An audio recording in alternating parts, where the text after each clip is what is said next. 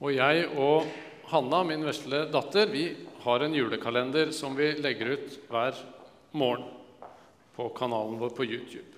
Og der i dag så leste vi et vers om nettopp det. Trøst, trøst mitt folk, står det i Jesaja 41. Og det er det som er i Jesu hjerte å gi oss trøst. Det kan stå som en overskrift over det meste av det vi leser i evangeliene. Og nå forbereder Jesus på Jesus sine venner på det som skal skje, på det som skal komme, så de kan kjenne det igjen når det skjer, og ikke bli lurt, ikke bli ført til fall, ikke miste troen på Jesus som frelser og en sikker grunn. Og så sier Jesus noe rart i opptakten til det vi skal lese.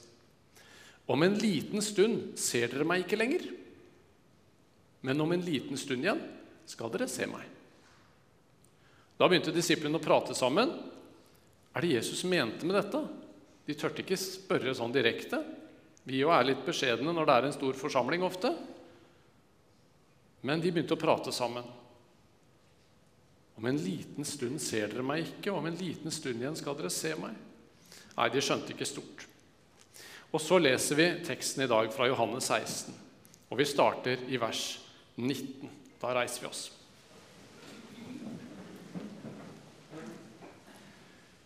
Jesus visste at de ville spørre ham, og han sa, 'Snakker dere om det jeg sa?'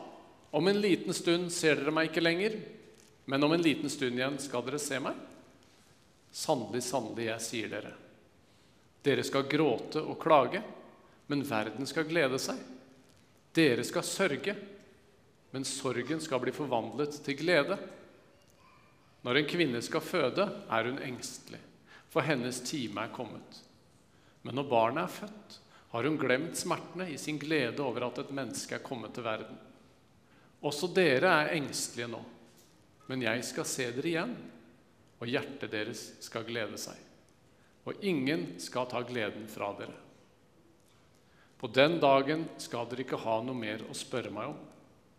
Sannelig, sannelig, jeg sier dere.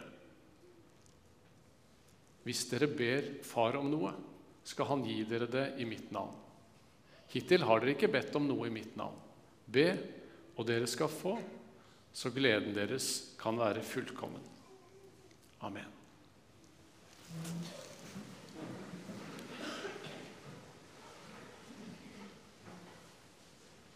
Vi skal se på glede og sorg på tre måter i dag. Først skal vi se på glede etter sorgen. Så skal vi se på glede midt i sorgen. Og til sist glede uten sorg. Guds ord det er som et vann vi kan dykke ned i, på litt ulike dybder. Og så starter vi i dag nærmest overflata. For Jesus han forbereder nå disiplene på det som skal skje. Om en liten stund, ja, det er faktisk bare noen timer til, så skal disiplene gråte og klage, og verden skal glede seg. Disiplene de skal se sin elskede mester, sitt håp. De skal se at han henger på et kors, på forbannelsens tre. Forlatt, forakta, bespotta. Hit, men ikke lenger. Det var fint så lenge det varte, men nå er det over. Snipp, snapp, snute, liksom. Romerne de har ett problem mindre. Overpresten og rådet de kan puste letta ut. Nå er det tilbake til business as usual i tempelet. Ingen flere velta bord, som vi hørte om forrige søndag. Og vi slipper flere forstyrrelser i gudsdyrkelsen vår. Dere skal gråte og klage, men verden skal glede seg. Men så sier Jesus noe mer. Om en liten stund igjen skal dere se meg. De forsto det neppe fullt ut, disiplene, men kanskje lå disse orda der som, en, ja, som et fattig håp. Kanskje gjorde dette at de tross alt holdt sammen i den sorgen de nå skulle møte, når de var bak stengte dører i lag. Dere skal sørge, men sorgen skal bli forvandlet til glede. Gråt og klage, sånn som Jesus prater om, det er i Johannes evangelium alltid knytta til død. Men dermed så får også gleden, motsatsen, den får jo et smak av liv. Og sånn er det. Det at Jesus står opp igjen den tredje dagen, det er livsunderet som gir oss grunn til glede. Og det beviser for oss at offeret på Golgata ja, det var fullbrakt, som Jesus sa. Det var ferdig og fullført. Døden har ikke lenger makt over Jesus. Gråten og klagen den har mista sin årsak. Og av det offer Jesus gjorde for din og min synd, så inviteres vi inn i den samme seieren. Ingen kan anklage deg og meg lenger. Sorgen den blir forvandla til glede. Og at dette oppfylles helt konkret, det kan vi lese så nært i Johannes 2020 noen kapitler seinere, og bare tre dager seinere enn det vi leser om i teksten. Jesus viser seg for disiplene på påskedag, og det står Disiplene ble glade da de så Jesus. Glede det er jo et ord vi bruker ganske raust. Vi kan være glad for at det er håndball-VM på TV, eller for at det er snø ute, eller at påleggsskiva ramla med riktig side opp. Og det er fint. Men når Bibelen snakker om glede, så er det en glede knytta til Guds verk. Vi kan se for oss en dyp, indre glede. Smerten og gråten var glemt. Men så er det en liten detalj. Først så skulle disiplene sørge og verden skulle glede seg. Men nå skal jo disiplene glede seg. Da skulle vi jo på en måte tro at verden skulle sørge, da, at det var en sånn slags symmetri. Men sånn er det ikke. Når disiplene har funnet glede, så blir ikke rollene snudd fullt ut. For alle inviteres inn i den gleden som disiplene har funnet. Jeg forkynner en glede for hele folket sier engelen som vi møter i juleevangeliet og skal lese om et par-tre uker. Hele folket, altså hele jødefolket, først. Og gjennom dem hele resten av verden, som vi så noen spor av i Jesaja-teksten vi leste også. Alle folk skal komme. Så det at Jesus står opp igjen, det er gode nyheter også for de som hadde gleda seg over Jesu død, sånn som Paulus f.eks. For, for også disse døde Jesus og sto opp for. Også disse fikk en åpen vei til Gud gjennom det Jesus gjorde. Måtte de og vi bare tro at det er sant. Og så går Jesus inn i et lite bilde, som han ofte gjør, en liten historie, for å forklare litt mer for vennene sine. Og det er jo like aktuelt nå som den gangen. Når en kvinne skal føde, er hun engstelig, for hennes time er kommet.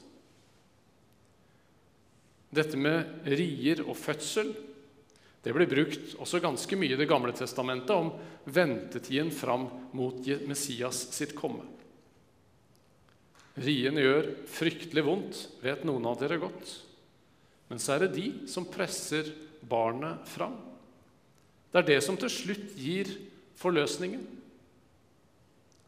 Men når barnet er født, har hun glemt smertene, sier Jesus. I glede over nytt liv. Så det er løftet om glede etter sorgen for disiplene. Og Vi har sett på det nå i sin nære sammenheng. Jesus, disiplene og de nærmeste påskedagene. Men nå skal vi vende blikket litt videre. Ta med oss noen ord fra Paulus som vi leste i leseteksten. Vi kan ta det foran oss på veggen her også, fra Romerbrevet 18. Ja, der står det jo bl.a. at det skapte vente med lengsel på at Guds barn skal åpenbares, og skaperverket sukker og stønner, samstemt som i fødselsrier, står det. Paulus han ser rundt seg, på skaperverket, i samfunnet, i seg sjøl. Så ser han at ja, men sorgen er jo ikke borte. Dette er forgjengelige, kroppene våre, livet på jorda. Skaperverket sukker og stønner som i fødselsrier, oppsummerer Men nå, i livet, så kan vi oppleve glede midt i sorgen. Paulus han kunne skrive Filippe-brevet, et brev som bobler over av glede. Og han skriver det mens han sitter i fangenskap. En ganske kjip situasjon. Men så får han se at gleden fra påska den bryter fram midt i sorgen. Vi eier livet selv i møte med døden. Dette er en skatt som ingen kan ta fra deg. Og Jeg har lest litt om det i det siste i en bok som heter 'Modige kvinner', som går an å få kjøpt her ute etterpå, forresten. Som er fra den, den uh, muslimske verden. Det er kvinner som har fått se dette her, midt i en forferdelig situasjon, menneskelig sett. Så har de fått møte Jesus og fått en glede som gjør at de frivillig går inn i antageligvis det som er et kort liv her på jorda. Anbefales å lese for å få se det. Kanskje litt klarere enn det vi ofte klarer i, i vår hverdag. Til inspirasjon og etterfølgelse. Hvis det er én ting jeg har fått se i løpet av kanskje 20 måneder nå som prest, så er det at sorgen, den er saktens til stede. Veldig mange av oss har dype sorger, bekymringer og vanskeligheter tett på livet. Men midt i det her så har vi et livets håp, et levende håp, fordi vi frimodig kan ta Jesu ord til oss også. Sorgen skal bli forvandla til glede. Så tenker du kanskje jo da, men hva med nå?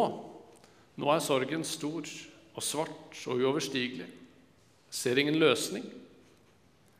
Og Guds ord er ikke noe skjønnmaling av situasjonen. Vi hører ikke 'ja, bare tro mer', eller 'du må bare fokusere bedre', eller 'gjøre en større innsats'. Men vi hører 'kom til meg', alle dere som strever og bærer tunge byrder. Og jeg vil gi dere hvile. Jesus lover å gå med midt i det mørke og vanskelige.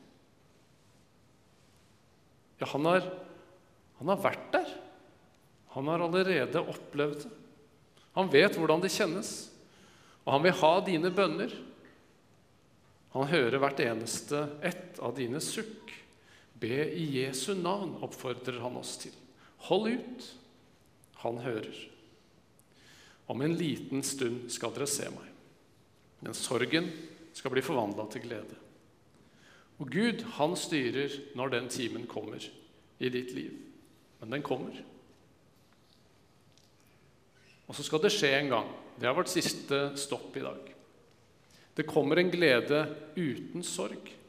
En rein, usmitta glede. Når verden skal fødes på ny, sier Jesus til disiplene i Matteus 19. Da skal alle som har lidd i Jesu navn, få mangedobbelt igjen og arve det evige liv. Også her vil det være fødselsrier i den siste tid. Vi er i den siste tid. Dere skal høre om kriger, folk som går mot folk, jordskjelv og vanskeligheter. Men gjennom dette så skal faktisk Guds rike bryte fram i all sin prakt. Når skjer dette? Det skjer når Gud vil det. Etter Guds timing. Gjennom hele Johannes evangelium så hører vi timen kommer, timen har kommet, hører vi til slutt, knytta til Golgata. Jesus kom, Jesus ga seg sjøl for alle når tiden var inne til det. Og Også på dette siste, Jesu komme, så er det Gud som har kontroll på timinga, og vi kan hvile i det og ikke spekulere noe videre i det. Og når det fortsatt drøyer, midt i de fødselsriene som vi kan se rundt oss, så er det fordi Gud vil ha flest mulig med til sin glede. Han vil ha med deg, han vil ha med meg, til en ny himmel og en ny jord. Hvor det står om Se, Guds bolig er hos menneskene. Han skal bo hos dem, og de skal være hans folk. Og Gud selv skal være hos dem. Han skal være deres Gud. Han skal tørke bort hver tåre fra deres øyne, og døden skal ikke være mer. Heller ikke sorg eller skrik eller smerte. Da skal alle våre bønner og alle våre spørsmål få sine svar. Men så avslutter vi tilbake i Jerusalem, til disiplene og til glede midt i sorgen. Det Jesus nå har foran seg, når han står der med disiplene, det er å gå inn i kampen for deg. Det er å gå gjennom lidelsens verste dybder for å vinne deg frelse. Ja, det er som om Jesus tar på seg fødselsriene for at vi skal kunne bli født på ny. Idet du lar Jesu døde oppstandelse bli det det er sannhet, sannhetens ord, til deg og for deg. Da er du et nytt menneske som eier fullt ut det Jesus har vunnet til deg. En åpen bønnevei til Gud i Jesu navn, og en trygg plass på en ny himmel og en ny jord der framme, hvor gleden er helt uten grenser. I Faderens og Sønnens og Den hellige ånds navn. Amen.